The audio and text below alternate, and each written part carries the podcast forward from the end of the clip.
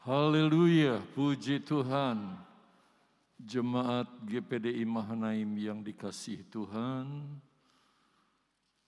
baik pelayan-pelayan Tuhan yang ada di gereja dan seluruh jemaat yang beribadah di rumah masing-masing melalui sarana live streaming. Pagi hari ini kita dapat beribadah kepada Tuhan dengan hati penuh sukacita.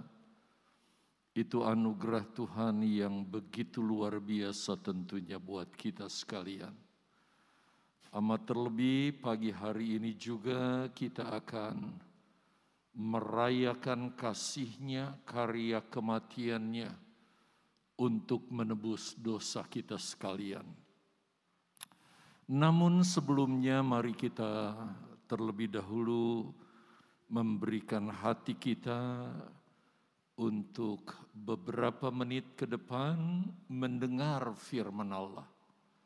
Mendasari ibadah kita pagi hari ini, saya ingin menyampaikan firman Allah. Tadinya saya ingin melanjutkan bahasan dari 2 Timotius 4 di mana kita akan membahas ayat yang ke-8 tetapi dengan adanya PPKM dan kondisi Indonesia sehubungan dengan COVID-19 saya merubah pikiran saya. Saya ingin membahas tema goncangan iman di akhir zaman.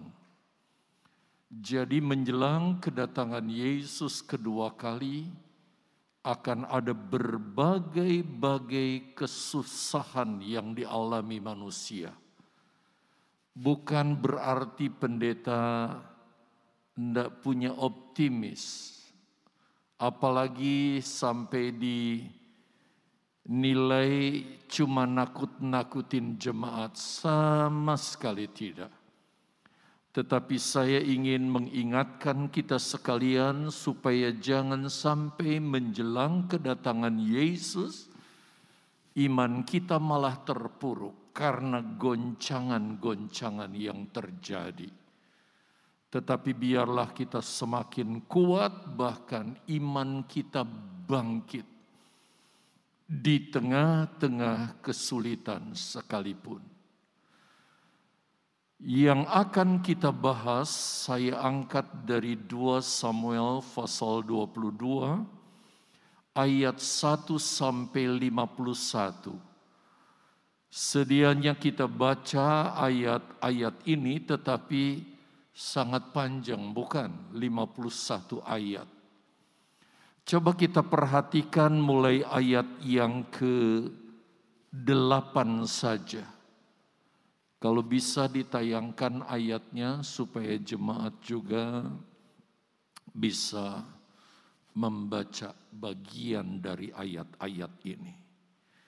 Perhatikan saudara, lalu bergoyang dan bergoncanglah bumi, dasar-dasar langit gemetar, bergoyang oleh karena bernyala murka-murkanya. Sembilan Asap membumbung dari hidungnya, api menjilat keluar dari mulutnya, bara menyala keluar daripadanya. Ia menekukan langit, lalu turun ke kelam. Kekelaman ada di bawah kakinya.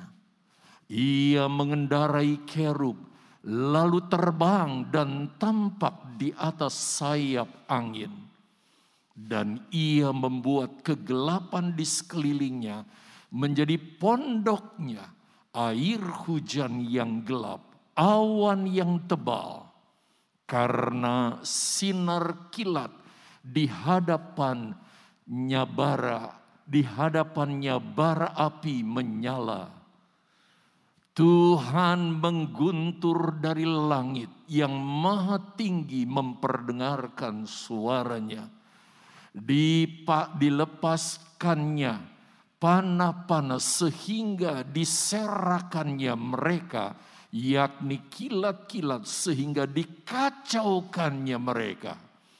Lalu kelihatanlah dasar-dasar laut, alas-alas dunia tersingkap karena hardikan Tuhan, karena hembusan nafas dari hidungnya. Ia menjangkau dari tempat tinggi, mengambil aku, menarik aku dari banjir. Ia melepaskan aku dari musuhku yang gagah daripada orang-orang yang membenci aku karena mereka terlalu kuat bagiku. Mereka menghadang aku pada hari sialku, tetapi Tuhan adalah sandaran bagiku. Ayat 20, ia membawa aku keluar ke tempat lapang. Ia menyelamatkan aku karena ia ber berkenan kepadaku. Harusnya saudara baca terus. Nanti di lain kesempatan kali ini ayat 20 saja.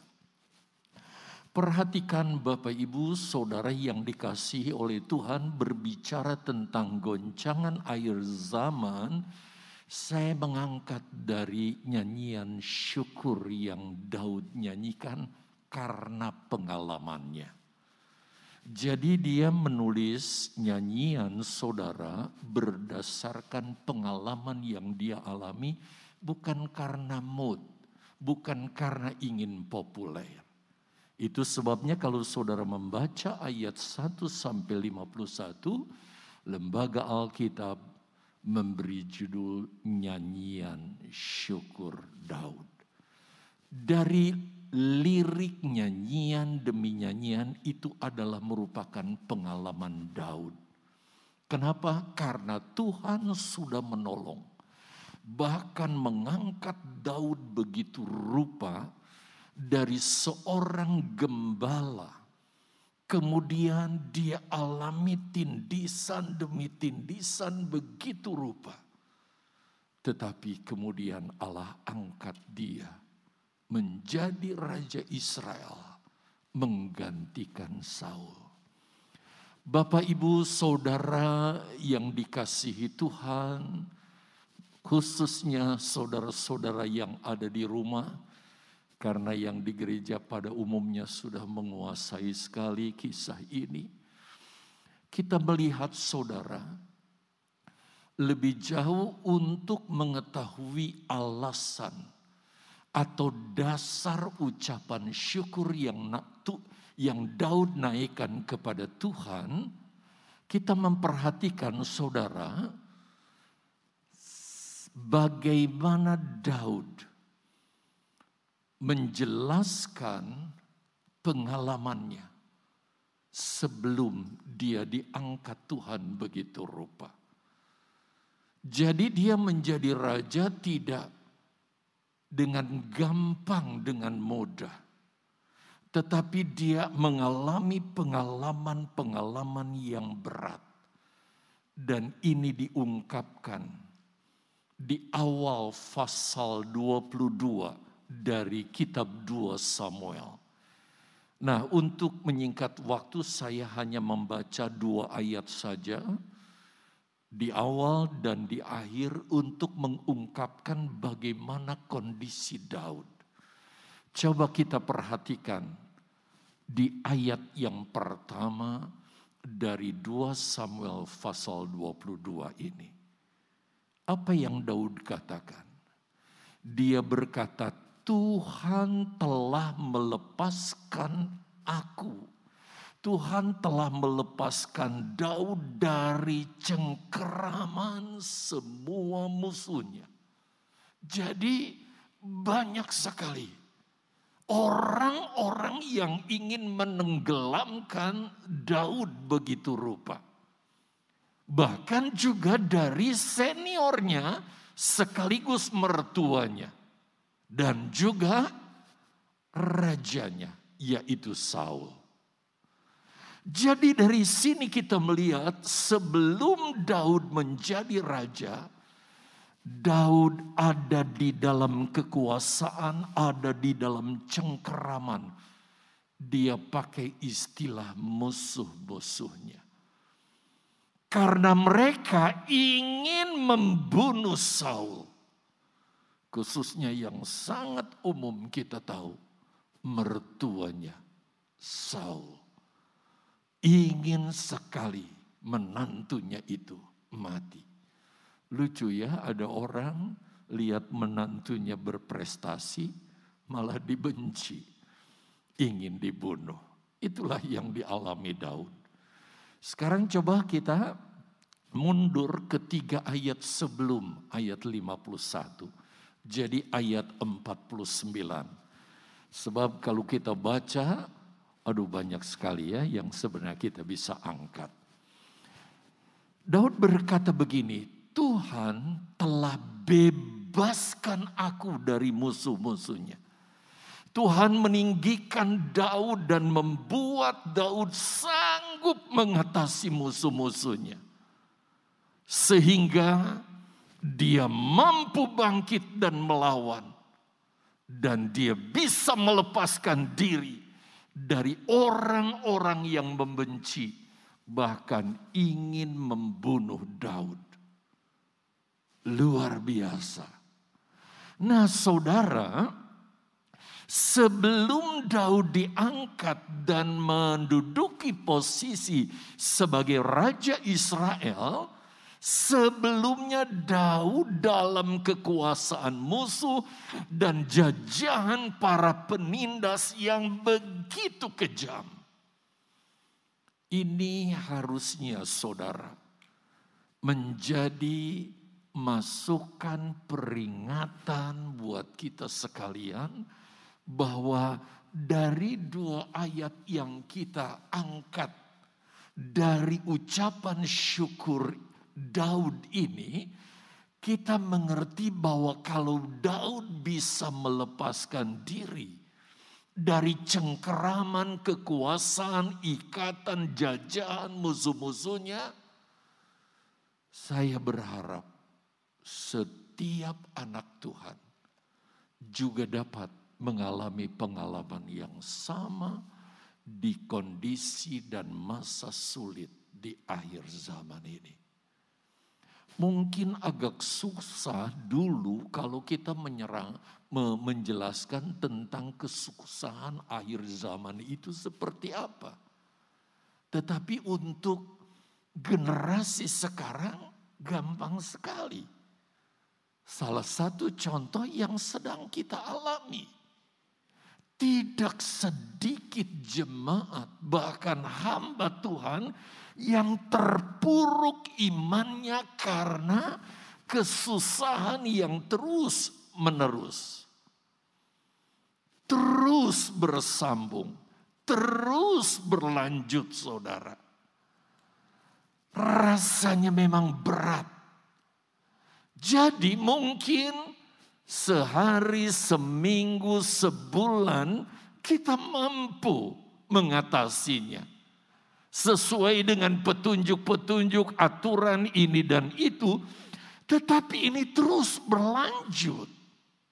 Dan kita tidak tahu kapan ini berakhir. Tetapi kalau Daud bisa alami kemenangan di mana dia mengalami bertahun-tahun saudara. Sampai kemudian dia benar-benar diangkat dan musuhnya semua dikalahkan. Itu menung, mem, mem, membutuhkan saudara kesabaran, ketekunan, dan daya tahan untuk benar-benar bisa sampai kepada tujuan Allah gereja yang diangkat dan nanti akan memerintah bersama-sama dengan Yesus di dalam kemuliaan adalah gereja yang seperti Daud melewati kesusahan yang begitu rupa dan keluar sebagai pemenang. Itu sebabnya jemaat yang dikasihi Tuhan. Jangan karena kondisi yang kita alami hari-hari ini, kemudian iman kita jadi menurun. Walaupun toh saudara nggak bisa beribadah oleh kemurahan Tuhan karena teknologi. Kalau ini terjadi di zaman saya waktu masih remaja, pemuda, wah berarti mungkin kita sama sekali nggak dengar firman Tuhan kecuali inisiatif baca Alkitab sendiri dan mengerti. Tetapi sekarang oleh pertolongan teknologi, saudara bisa beribadah dan dengar firman Allah. Jangan sampai kita lemah. Karena sekali lagi gereja yang akan diangkat Tuhan memerintah bersama dengan dia adalah gereja yang berkemenangan. Bukan gereja yang kehilangan iman. Sebagai gembala jemaat, sungguh saya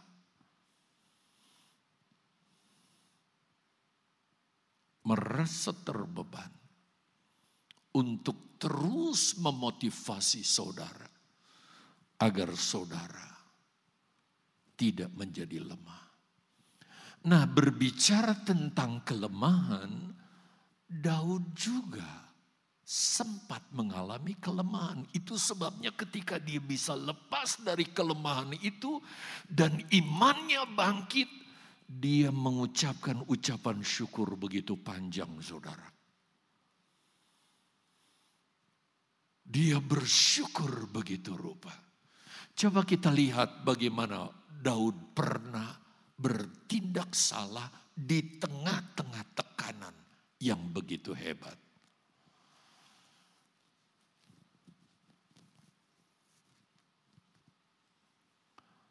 Mari yang pertama-tama kita akan bahas bagaimana Daud saudara pernah salah melangkah karena tekanan yang begitu berat. Itu sebabnya kalau saudara membaca mulai dari 1 Samuel pasal 27. Kita bisa membaca di sana awal di mana Daud melakukan kesalahan lalu dia alami keterpurukan. Sehingga Daud telah membuat blunder saudara. Seperti apa keadaannya? Coba kita lihat ayat satu dari pasal 27. Kitab 1 Samuel. Yuk perhatikan. Ketika dia terus-terus dikejar-kejar. Padahal dia sudah tunjukkan etikanya kepada mertuanya. Kasihnya kepada mertuanya. Tiga kali dia punya kesempatan untuk membunuh Saul. Tetapi dia terus hindari. Untuk menunjukkan bahwa dia sama sekali tidak punya niat ke situ. Tapi Saul terus memburu dia. Dan kita lihat ungkapannya di ayat 21 ketika dia mengalami kelelahan iman katakanlah demikian. Tetapi Daud berpikir dalam hatinya. Bagaimanapun juga pada suatu hari aku akan binasa oleh tangan Saul. Saudara simpulkan apa di sini? Daud sudah kehilangan iman, saudara. Aku bakal mati ketangkap Saul. Sebab dia mau lari ke mana lagi? Gunung-gunung, padang gurun, hutan-hutan dia sudah jelajahi untuk berlindung. Lalu dia katakan berikutnya, jadi tidak ada ja, tidak ada yang lebih baik bagiku selain meluputkan diri dengan segera ke negeri orang Filistin. Dia ingin nyebrang ke negeri musuh, Filistin. Dengan pemikiran, sama lihat kalimat berikutnya. Maka tidak ada harapan bagi Saul untuk mencari aku lagi di seluruh daerah Israel dan aku akan terluput dari tangannya. Dia nggak berpikir bisa saja kan? Untuk sementara Saul berdamai dengan raja utama Filistin. Kemudian tolong itu dideportasi itu anak buahku. Bawa ke sini.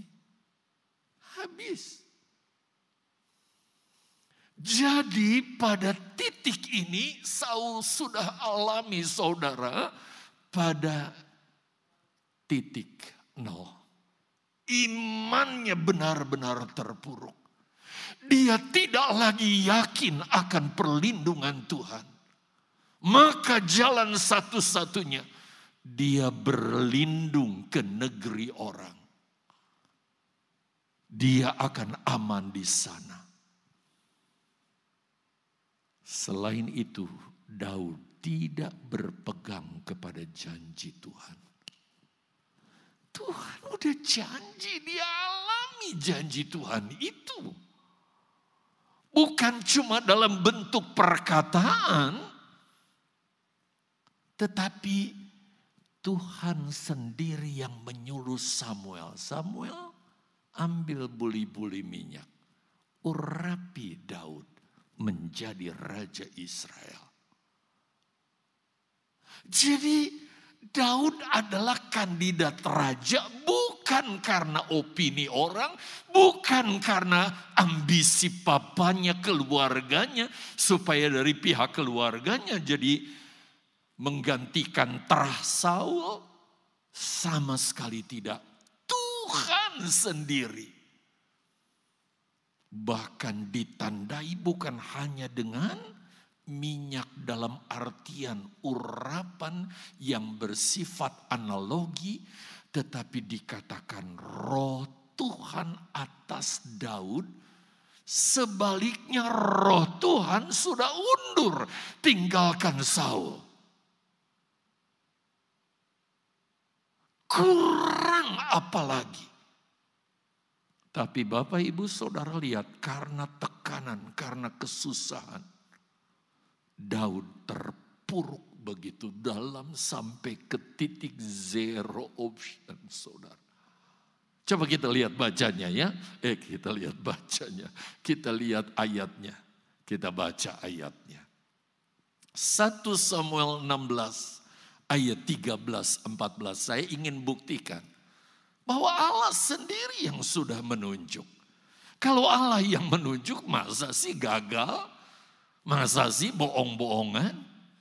Samuel mengambil tabung tanduk yang berisi minyak itu dan mengurapi Daud di tengah-tengah saudara-saudaranya. Perhatikan, sejak hari itu dan seterusnya.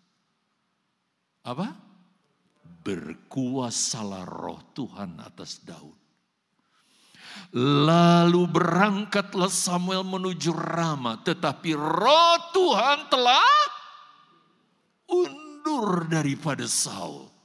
Dan sekarang ia diganggu oleh roh jahat yang daripada Tuhan. Bapak ibu saudara sekalian yang dikasihi Tuhan, Dikatakan roh Tuhan seterusnya ada pada diri Daud.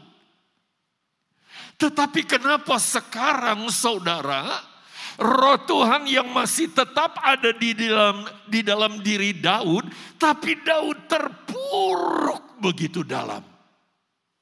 Sekali lagi, karena terus menerus dia dikejar COVID, eh dikejar COVID.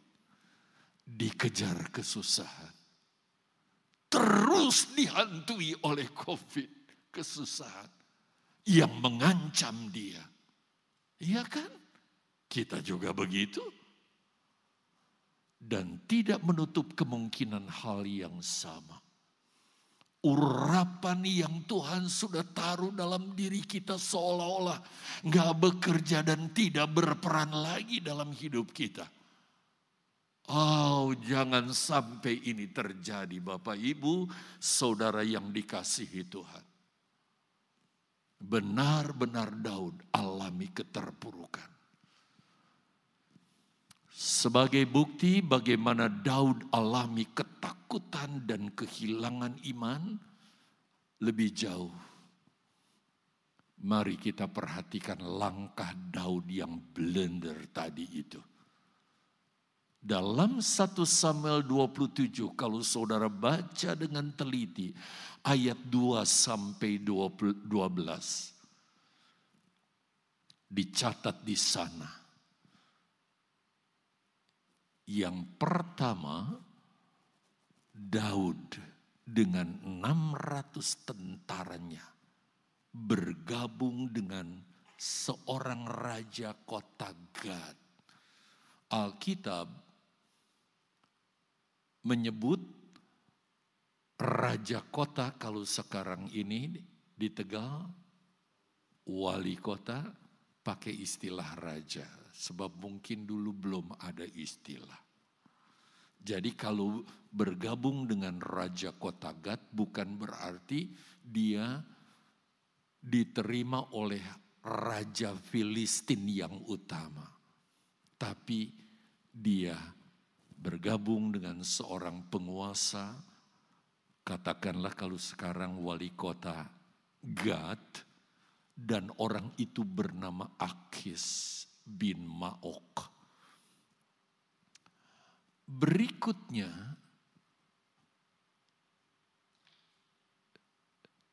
Daud dan seluruh tentaranya, istri-istri tentaranya, dapat fasilitas yang begitu istimewa dari raja Gad ini. Raja kota Gad, raja kota di Filistin yang namanya Maok ini. Satu tanah datar yang wah subur baik namanya Ziklak. Bapak Ibu bisa lihat itu di ayat 1 sampai 27. Jadi kalau nanti belajar di rumah. Resmilah dia jadi tentara bayaran bagi tentara Filistin, bagi orang Filistin, khusus untuk kepemimpinan Akis yang ada di kota Gad itu. Tapi ketika dia bekerja saudara tahu, Biarpun Daud dengan tentara, 600 tentara bahkan keluarganya sudah dapat fasilitas nyaman, enak, gaji, jaminan dan berbagai-bagai hal dari Gad, raja kota itu. Tetapi saudara tahu, setiap kali Daud berperang, dia berperang saudara, tetapi dia berperang tidak secara optimal benar-benar membela juragannya, tuannya, yaitu Akhis, Raja Kota Gad. Kenapa? Dia bunuh musuh-musuh Filistin karena memang tugasnya seperti itu dan itulah yang Daud lakukan saudara. Tetapi dia tidak pernah membawa seorang pun tawanan dari hasil perang yang dia lakukan. Dia bekerja dengan sembunyi-sembunyi. Dia bekerja dengan diam-diam. Kalau diam-diam dengan prestasi, prestasi tinggi tapi tidak mau menyombongkan diri, wah itu bagus. Tetapi ini diam-diam karena ada yang disembunyikan. Kenapa rupanya saudara? Jadi setiap kali dia perang, kalahkan musuh-musuh Daud saudara, eh musuh-musuh Filistin. Daud kalahkan semua musuh-musuhnya. Tapi sekali lagi dia tidak pernah bawa tawanan perang. Kenapa saudara? Karena dia takut. Tawanan yang hidup itu nanti bercerita. Entah kepada rekan tentara Filistin lainnya. Atau dia cerita kepada Akis sebagai raja kota Gad.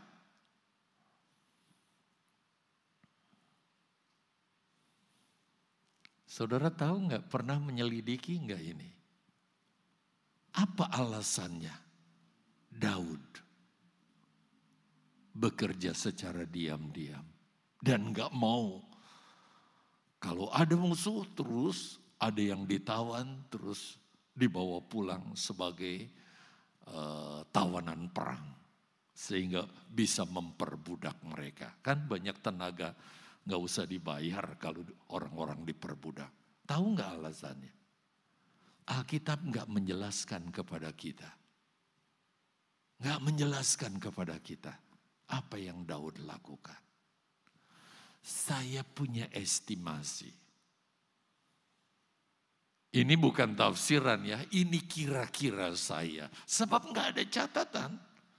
Tapi siapa tahu kalau saudara dapat referensi ya dari Hmm, terjemahan-terjemahan lain atau tulisan-tulisan lain. Musuh utama Filistin itu Israel. Jadi kan seharusnya tiap kali Daud berperang untuk membela bangsa di mana memberi hidup kepada dia, dia juga harusnya habisi Israel. Sekali lagi ini estimasi saya saudara. Tapi jangan-jangan tiap kali perang ada orang Israel di Boleh jo, pulang saja kamu.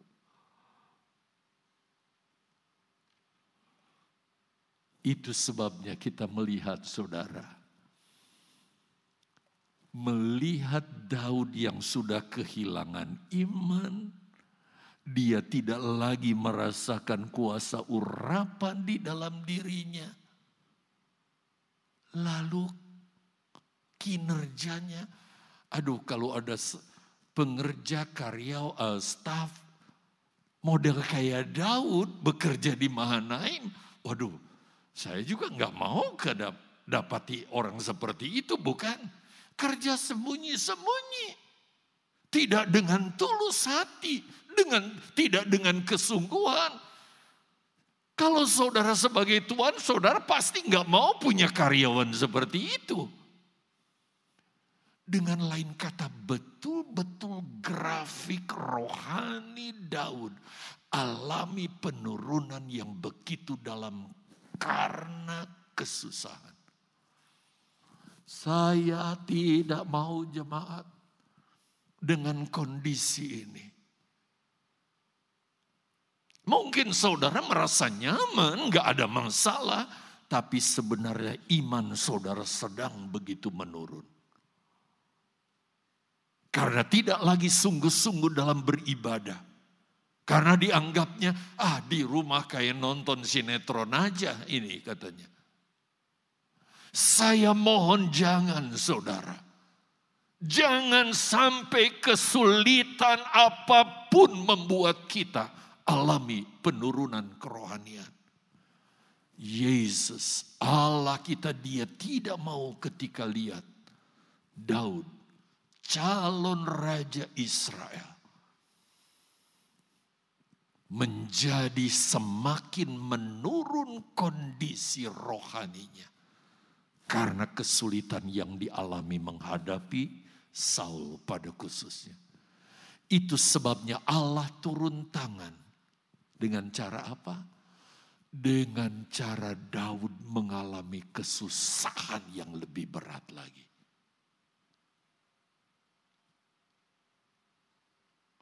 Mungkin kita berpikir Allah menyelamatkan dengan cepat menolong begitu. Eh tidak. Allah mengajar Daud dengan pengajaran yang lebih berat lagi. Itu sebabnya saya ingatkan saudara. Jangan berpikir melihat ke depan akan lebih baik dari kemarin. Kalau kita lihat saudara kronologis peristiwa akhir zaman kondisinya bukan semakin mudah, tetapi semakin berat. Itu sebabnya Tuhan turun tangan dan mengizinkan Daud mengalami pengalaman yang lebih berat lagi. Tetapi pengalaman itu akhirnya membangunkan iman Daud dan memulihkan keadaan Daud begitu rupa. Coba kita lihat saudara, ujian seperti apa yang Daud alami sebelum dia diangkat.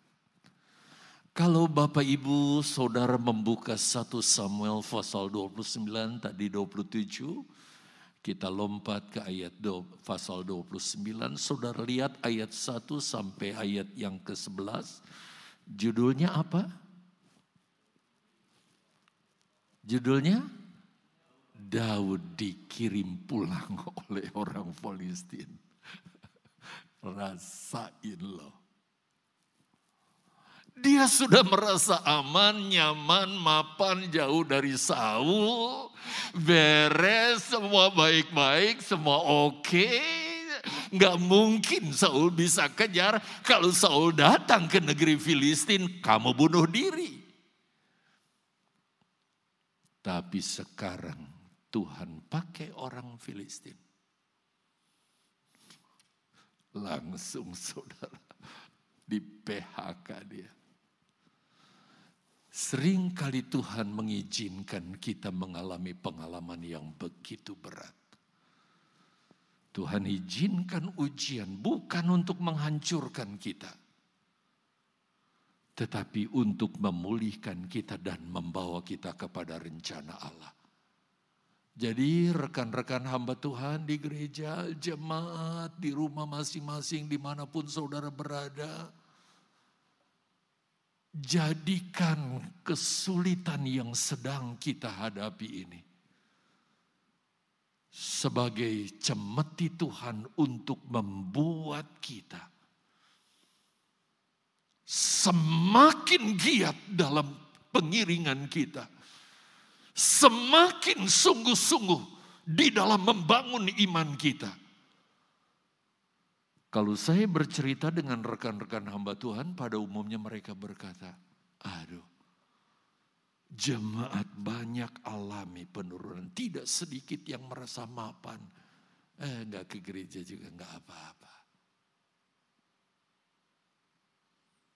Tetapi mari Jangan kita biarkan diri kita terus terlena dengan keadaan ini, atau karena ketakutan kita, saudara kehilangan iman dan melakukan tindakan-tindakan yang salah dari cara hidup kita seperti Daud. Allah hancurkan Daud begitu rupa, supaya Daud sadar, supaya Daud siuman. Itu sebabnya mari kita lihat saudara. 1 Samuel 29 ayat 1 sampai 5. Kehadiran Daud dan 600 tentaranya di antara pasukan Raja Akhis. Kalau saudara baca ayat-ayat itu. Raja kota Gad. Ternyata itu dipermasalahkan oleh raja-raja kota lainnya Dipanggilnya Akis. Eh sini. Buat apa lu ngerekrut Daud itu? Lu tahu nggak siapa Daud? Mertuanya itu Raja Israel. Yang memerintah sekarang. Dan lu tahu nggak prestasi Daud kayak apa? Saul dinyanyikan oleh para gadis dan berkata, Hebat Saul karena Saul mengalahkan musuh beribu-ribu. Tetapi Daud berlaksa-laksa berpuluh-puluh ribu. Lu tahu nggak kalau dia perang nanti? Dia tikam kita dari belakang. Mati loh. Usir dia. Itu saya dramatisir ya saudara ya. Bahasanya nggak begitu. Usir dia. Ais berdali. Aduh, gue lihat dia kerja tulus. Baik prestasinya nggak ada yang merugikan. Gue banyak untung ditolong dia. Gak bisa. Usir. Dengan terpaksa. Ais memanggil Daud. Daud, aku suka dengan kamu kinerjamu bagus, prestasimu bagus. Tapi orang-orang semua nggak suka kamu.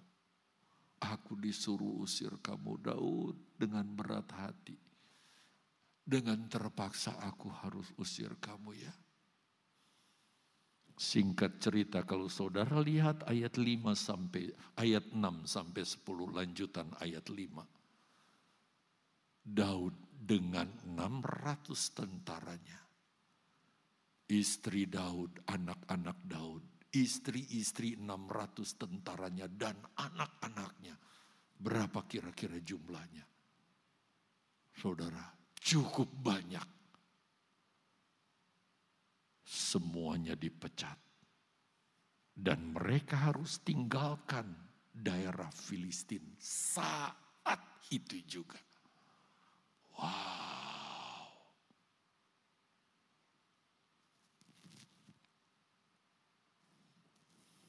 Kalau saudara lihat ayat yang ke-11, nggak bisa apa-apa sebagai orang yang di PHK dipecat. Daud dan 600 tentaranya pulang ke Ziklag menemui keluarganya. Istri Daud anak-anak Daud, istri-istri dari 600 tentaranya dan anak-anak serta keluarga mereka. Pulang jalan kaki saudara ke Siklak dengan status PHK. Kadang-kadang Tuhan izinkan kita alami pengalaman yang sangat berat. Saya tahu tidak sedikit jemaat yang kehilangan pekerjaan. Bahkan usaha dengan biasanya income begitu rupa, kini berkurang begitu banyak. Dan kalau Allah izinkan itu terjadi dalam diri kita, bukan karena Allah benci kepada kita, sebaliknya karena Dia cinta kepada kita dan dia tidak mau kita keluar dari jalan Tuhan. Karena Daud, Tuhan melihat Daud jauh. Dari ketika dia masih jadi gembala. Sekarang sudah jadi pemimpin perang untuk 600. Ya orang bergabung dengan dia kondisinya begitu jauh. Allah tidak mau, Allah pecut dengan kondisi ini. Dengan kondisi COVID kita nggak tahu ke depan loh saudara. Sebab sekali lagi COVID ini adalah imbas dibukanya metre yang keempat. Pandemik, endemik yang kemudian berkembang jadi pandemik. Ini dimulai digenapi tahun 1981 dengan munculnya satu penyakit yang sampai sekarang tetap mewabah di seluruh dunia dan gak pernah hilang. Tapi kuda ini terus bergerak saudara, susulannya COVID. Kita nggak tahu nanti penyakit apa lagi. Akan menyusul. Banyak jemaat di PHK, banyak orang kehilangan pekerjaan Banyak orang kaya menjadi miskin. Keadaan ini menyakitkan. Tapi jangan sampai membuat iman, pengharapan dan kasih kita. Apalagi urapan itu meninggalkan kita. Daud sudah enggak lagi rasa urapan saudara. Saya mau katakan kepada jemaat, dengar baik-baik dengan kesusahan yang kita alami. Yesus sedang menyaring, menguji, melihat kita ini termasuk Kristen yang apa. Karena setelah meterai keenam nanti akan ada pemisahan gereja. Mana gereja yang sempurna, mana yang tidak sempurna. Kalau dengan kesusahan ini kita terpuruk ketika pemisahan terjadi, saudara sudah bisa bayangkan kita masuk lima garis bodoh. Ini yang disebut sepuluh gadis itu tertidur. Tetapi kita lihat yang lima akhirnya karena dia masih punya minyak persediaan dan seterusnya. Wah saya bisa terus panjang ke mana-mana nanti. Sebab itu jangan heran kalau di akhir zaman kita akan melihat kesusahan itu akan susul menyusul. Sekali lagi saya bukan pesimis. Tapi saya berdasarkan firman Allah. Tapi percayalah di balik COVID saudara. Tuhan sedang melihat anak-anaknya. Dia sedang menguji begitu rupa untuk kita benar-benar menjadi jemaat yang berkualitas. Saya pakai istilah sudah jatuh ketimpa tangga ketika Daud dan 600 prajuritnya berjalan pulang mungkin dengan langkah gontai ya saudara. Aduh, aku mau ke mana lagi kalau begini. Terpaksa mesti ketemu Saul lagi, dikejar-kejar Saul lagi. Dia jalan, sampailah ke Ziklag. Mungkin sudah sekian lama nggak ketemu istri dan anak-anaknya, dia kangen juga. Tetapi ketika sampai di Siklak, mereka kaget. Perkemahan di mana istrinya, anak-anaknya, demikian juga istri-istri tentaranya dan anak-anak tentaranya kemahnya sudah ludes terbakar dan gak ada satu orang yang dia temui. Jangan-jangan semuanya sudah dibunuh. Jangan-jangan semuanya dibinasakan oleh orang Amalek. Tapi syukur rupanya keluarganya tidak dibunuh tapi ditawan, dibawa sebagai tawanan oleh orang Amalek. Saudara yang dikasihi Tuhan, gak ada yang Daud bisa lakukan. Kok begini Tuhan?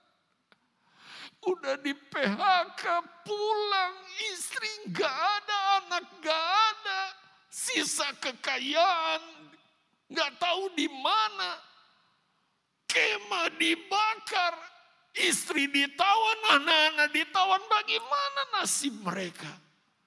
Gak ada yang bisa mereka kerjakan kecuali menangis. Saudara bisa lihat itu.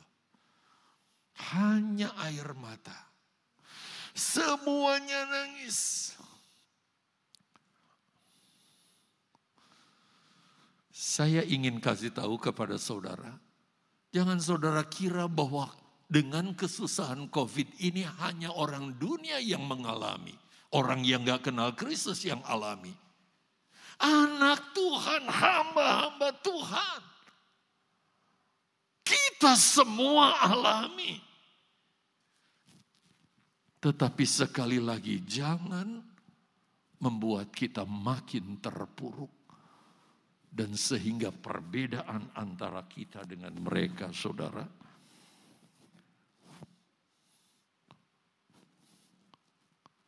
Gak bisa dilihat lagi perbedaannya.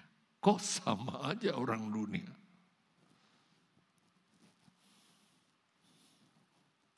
Lebih fatal lagi,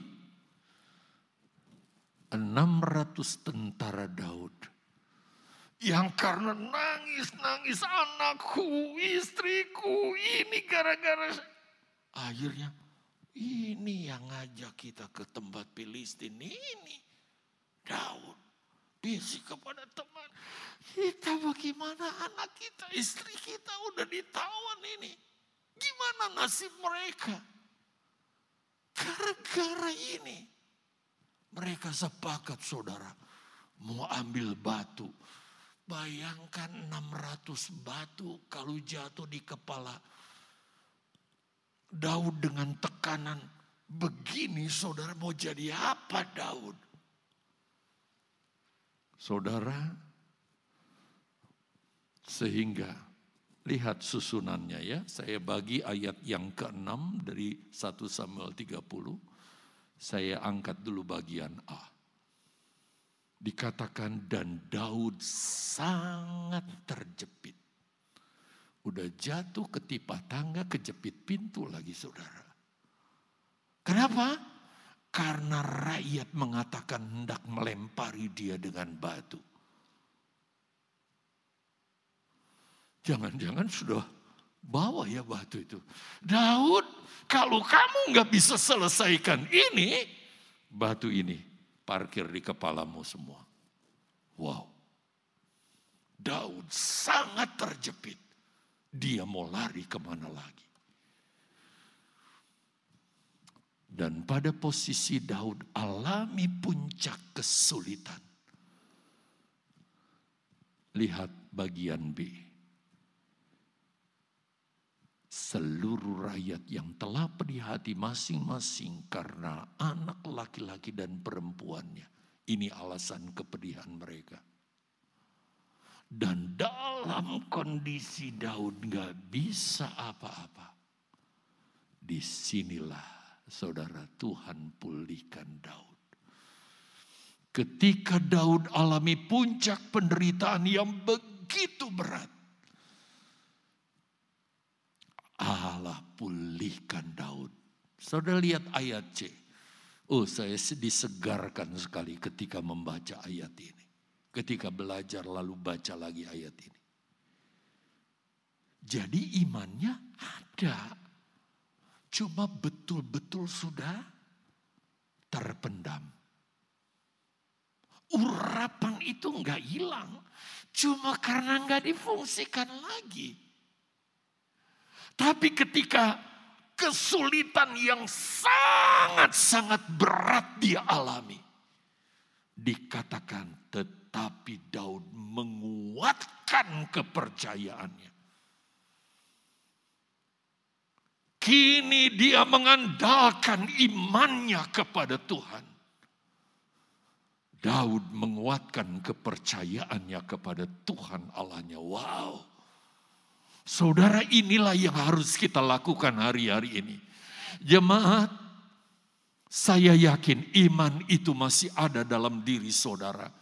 Kuasa Tuhan ada menyertai saudara. Tapi kita nggak aktifkan itu. Karena kita izinkan terus kesusahan, terus bayang-bayang ketakutan, bayang-bayang kesusahan terus. Kalau memang Tuhan kehendaki lain ya sudah. Karena kita di dalam iman, kita ketemu Tuhan. Kalau toh kita menang mengatasi semuanya, Tuhan punya rencana ajaib di balik semuanya.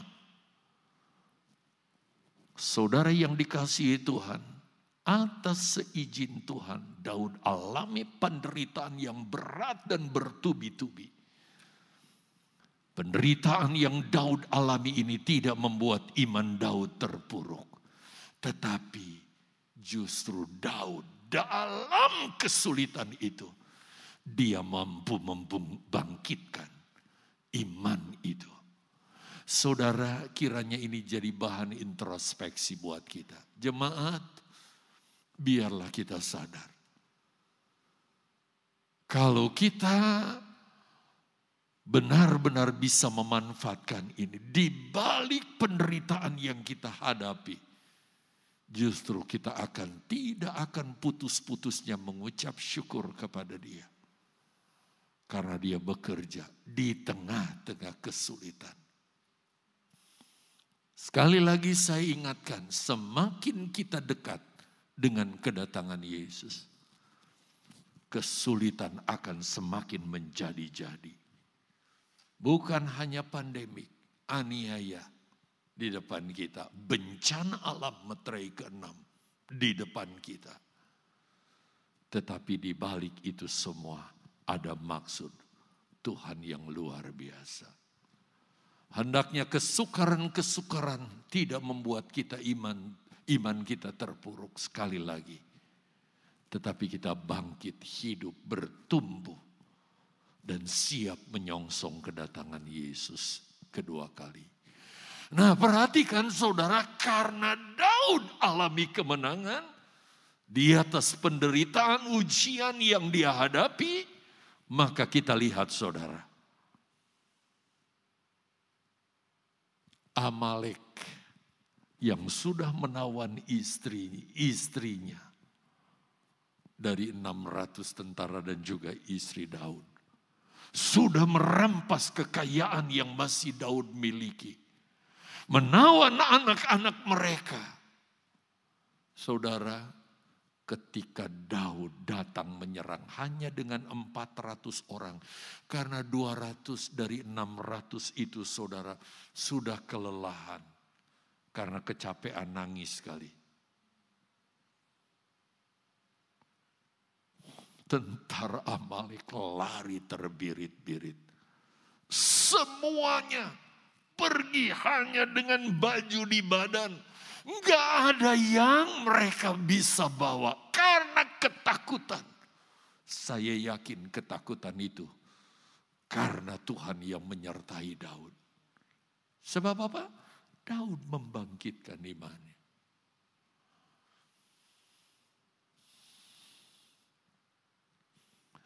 Daud dapat kekayaan yang luar biasa Sampai kalau saudara baca rinciannya, dia kirim berkat itu. Dia jadi sponsor saudara. Di balik penderitaan ada berkat yang luar biasa. Tetapi yang paling utama, kalau saudara lihat urutannya, lewat penderitaan, penderitaannya apa saja? Perhatikan saudara, mulai ayat pasal 29, tampilkan, lihat. Melewati pengalaman pahit yang Daud alami.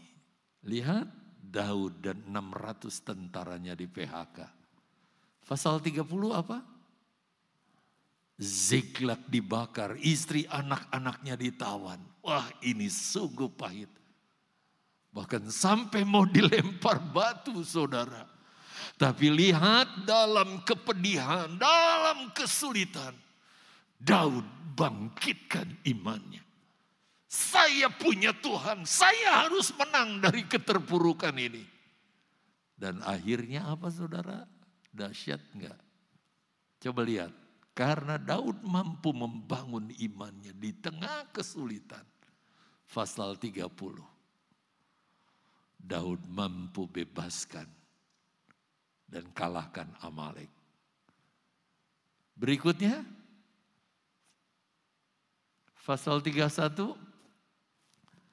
Tuhan selesaikan musuh Daud. Pulang ke Israel, dengar kabar. Kamu gak usah takut dikejar-kejar lagi Daud, kenapa? Mertuamu udah mati. Sekarang kamu siap jadi raja. Coba satu kali lagi. Daud diangkat jadi raja. Saudara tahu nggak ini apa arti rohani buat kita? Kalau kita artikan secara rohani. Bila kita kuat bertahan menghadapi tantangan di akhir zaman. Kita bangun rohani kita, iman kita menjadi gereja yang sempurna pada saat Yesus datang kedua kali, kita akan memerintah bersama Yesus sebagai Raja. Daud nggak usah perang lagi. Tuhan yang sudah kalahkan Saul. Akhirnya dia dilantik menjadi raja untuk wilayah Yudea terlebih dahulu. Tapi kemudian dia menjadi raja atas Israel lewat penderitaan. Itu sebabnya saudara yang dikasihi Tuhan, jemaat yang dikasihi Yesus, tetaplah kuat dalam menghadapi kesulitan-kesulitan yang tidak bisa tidak harus kita lewati. Tapi bersama Yesus kita akan jadi jemaat yang berkemenangan.